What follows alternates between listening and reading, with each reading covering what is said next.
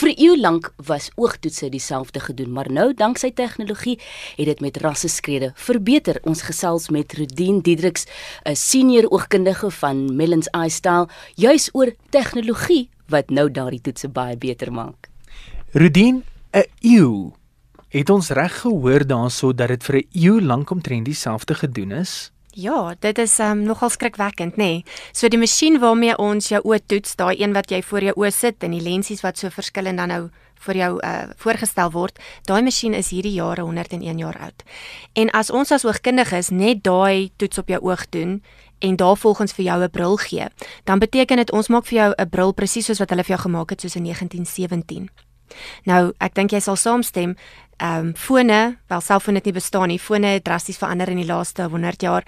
Motors het drasties verander. Ek bedoel net die internet. So hoekom wil ons oogkunde ehm um, 100 jaar terug voortleef? So dit is fantasties met die toerusting wat vir deesdae beskikbaar is.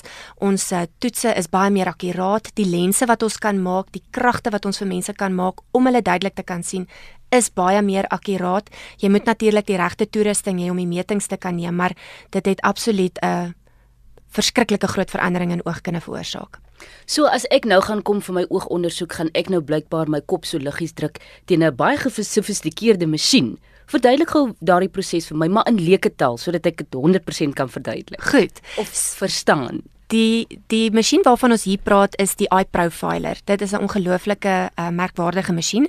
Jy ja, jy jy sit jou kop teen 'n uh, so teen 'n rusplekkie en dan neem hy binne 90 sekondes 'n uh, lesing van jou oog wat 3000 punte karteer. Met ander woorde, dit neem in ag jou hele oog daar waar jou jou hele oog se voorkant word in ag geneem en dan kan ons baie meer inligting kry van jou oog af hoe jou visie gaan verskil tussen uh, wanneer dit lig buite is soos deur die dag en jou pupil is klein teenoor hoe jou visie gaan wees as jou pupil groot is in die aand want dit is twee verskillende goed en ons kon dit van van tevore glad nie meet nie en hierdie metings help ons dan om ons voorskrif op die einde van die dag baie meer akkuraat te maak. En hoekom wil ons 'n akkurate voorskrif hê? Want hoe meer akkuraat ons die lig op jou retina kan fokus. Dis wat 'n bril doen. Hy fokus die lig op jou hmm. retina. Hoe meer akkuraat ons dit kan doen, hoe meer presies daai meet daai uh, fokus van lig kan wees, hoe duideliker gaan jy sien. En dit het versekerde impak op jou nagvisie. Ek bedoel en ons almal weet ons wil baie baie goed in die nag sien. Ehm um, jou kleurvisie en jou kontras, dit is die areas wat 100% kan verbeter met die nuwe tegnologie.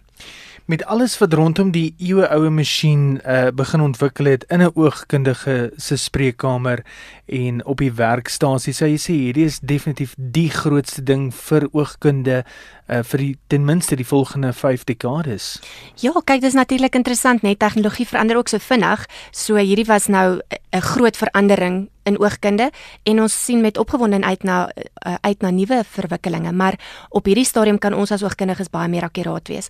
Die tweede toerusting wat ons ook gebruik wat baie belangrik is in hierdie hele proses, is 'n meting wat sensitief is tot 'n tiende van 'n millimeter as jy jou raam gekies het. Want as jou raam nie reg pas op jou gesig nie of ons neem nie genoegsaam inligting um in ag hoe die bril pas op jou gesig nie, kan jou visie met tot 40% minder wees as wat ons beplan het dit moet wees. So die passing van jou bril is baie meer akkuraat.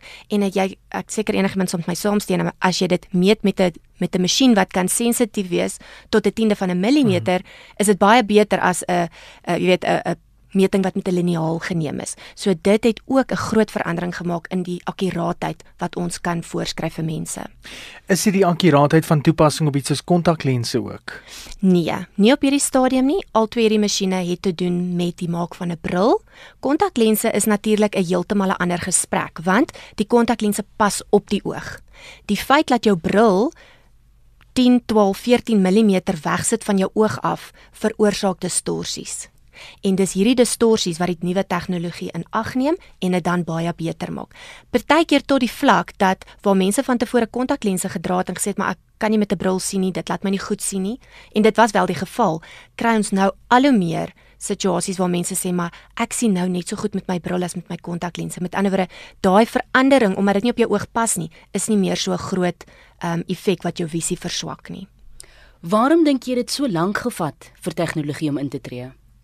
Jene, goeie vraag. Ehm um, ek dink dit is ehm um, natuurlik die slim mense daar buite wat seker baie toetse al gedoen het. Ehm um, en dan nou natuurlik die goed moet bymekaar sit en jy jy kan dit nie net ontwerp nie, jy moet dit ook toets vir 'n tydperk, nê. So hierdie toerist of hierdie toerusting is op in Suid-Afrika al beskikbaar van 2013 af. Ehm um, maar in die wêreld het hulle dit al van tevore gehad. So ek gaan nie sê Suid-Afrika was so klein bietjie later, jy weet wat ons daarin blootgestel is nie. Ehm um, maar ons het dit eers in 2013 kon begin gebruik. Nou dit klink alles so opwindend, Rudien. Kom ons maak gou 'n voorspelling. As hierdie nou vandag die tipe tegnologie is, wat voorspel jy vir die toekoms? Jo, ek hoop net beter en beter visie vir mense. Dit is ehm um, dit is absoluut waarna ons streef en ook uh vroeëre ehm um, hoe sal mens sê wat mens mense se oogsiektes kan opvang. Jy weet, dit is dit is wat mens graag in oogkunde wil wil hê is om mense se visie vir die toekoms ook te kan behou. Senior oogkundige Rudien Diedriks wat met ons gesels het.